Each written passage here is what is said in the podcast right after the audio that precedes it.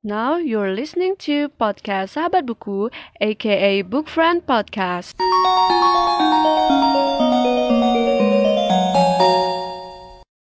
Sebelum mendengarkan episode kali ini, jangan lupa follow podcast Sahabat Buku di Instagram di @podcastsahabatbuku.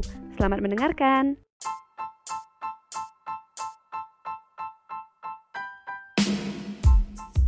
Hello everybody and welcome back to podcast Sahabat Buku. And in today's episode, I want to share with you about a novel by an American novelist, Veronica Roth, named Divergent.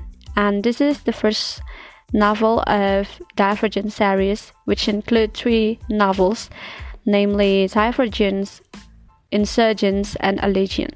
The genre of this novel is adventure, science fiction, dystopian, and young adult fiction. This novel is firstly published in 2011 by HarperCollins Children's Book. The setting of this novel is in post-apocalyptic Chicago, where there are five factions who lead. The five factions includes abnegation, the selfless, amity, the peaceful, candor, the honest, dauntless, the brave, and erudite, the intelligent. When a young boy or a young girl reaches 16 years old, they have to choose the factions to live for their whole life in the choosing ceremony. The one who does not feel the initiation will be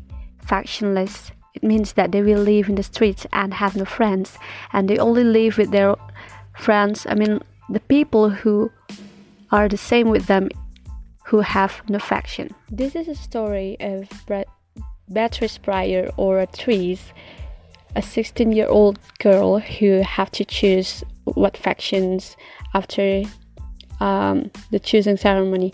And before, she was an abnegation. And then when she took the task to choose what factions will be her faction, um, the test result is abnegation, dauntless, and erudite, which mean that she is a divergent and Tori, who is the test administrator, tell her that she she must uh, not tell anybody about that, and then because divergent means that she will be the enemy of the of the government or the people who lead in the factions and then she decided to join Dauntless. And Beatrice or Tris has a brother, a younger brother named Caleb, and he chose to be an erudite. The story begins when Tris start to live in Dauntless and she started with jump on the train and to make a great adventure in her life. And she has to take many tasks to become the real the real dauntless and if she does not pass the test she will be factionless so before i mentioned that the genre of this novel is uh, one of the genres is dystopian, and I think maybe not all of you know what is dystopian. So, dystopian is an image, state, or society in which there is great suffering or injustice, t- uh, typically one that is total- totalitarian or post apocalyptic. And it is um, the contrast with utopian, which uh, here there are uh, there is justice in the world. And also, I have mentioned um, apocalyptic or post apocalyptic fiction, and in this case, it is one of the subgenre of science fiction, science fantasy, dystopian, or horror in which the Earth's technological civilization is collapsing or has collapsed. So, in the story of Divergent, the five factions uh, will be on the war, or I think there will be contrast between one faction to another faction. So there will be um, many conflicts in the story. So let's get started with the review.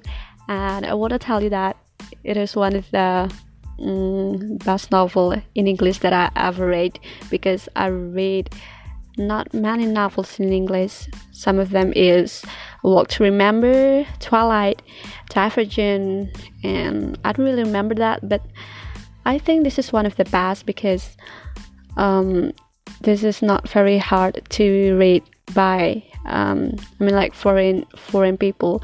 I mean not not native speaker of English because the language is not very hard.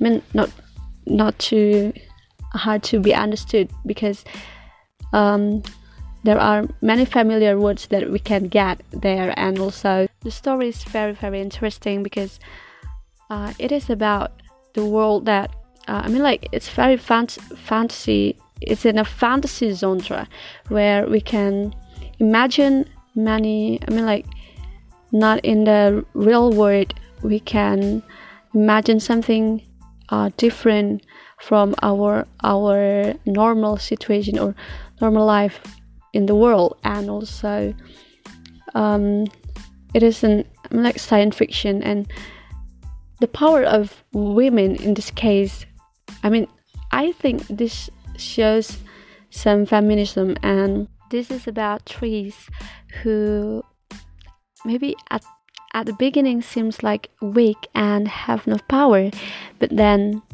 she tried again and again and she can be um, the best version of herself.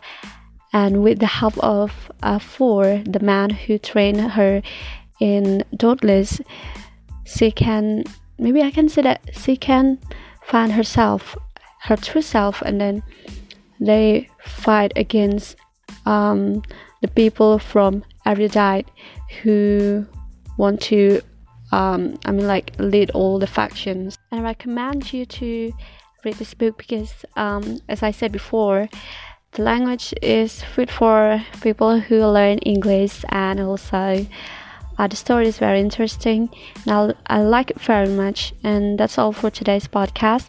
Thank you for listening and see you in the next episode.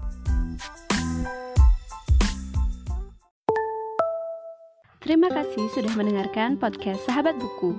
Bagi pengguna Spotify, jangan lupa follow. Dan pengguna Apple Podcast, jangan lupa subscribe supaya bisa mendengarkan semua episode baru dari podcast Sahabat Buku. See you in the next episode.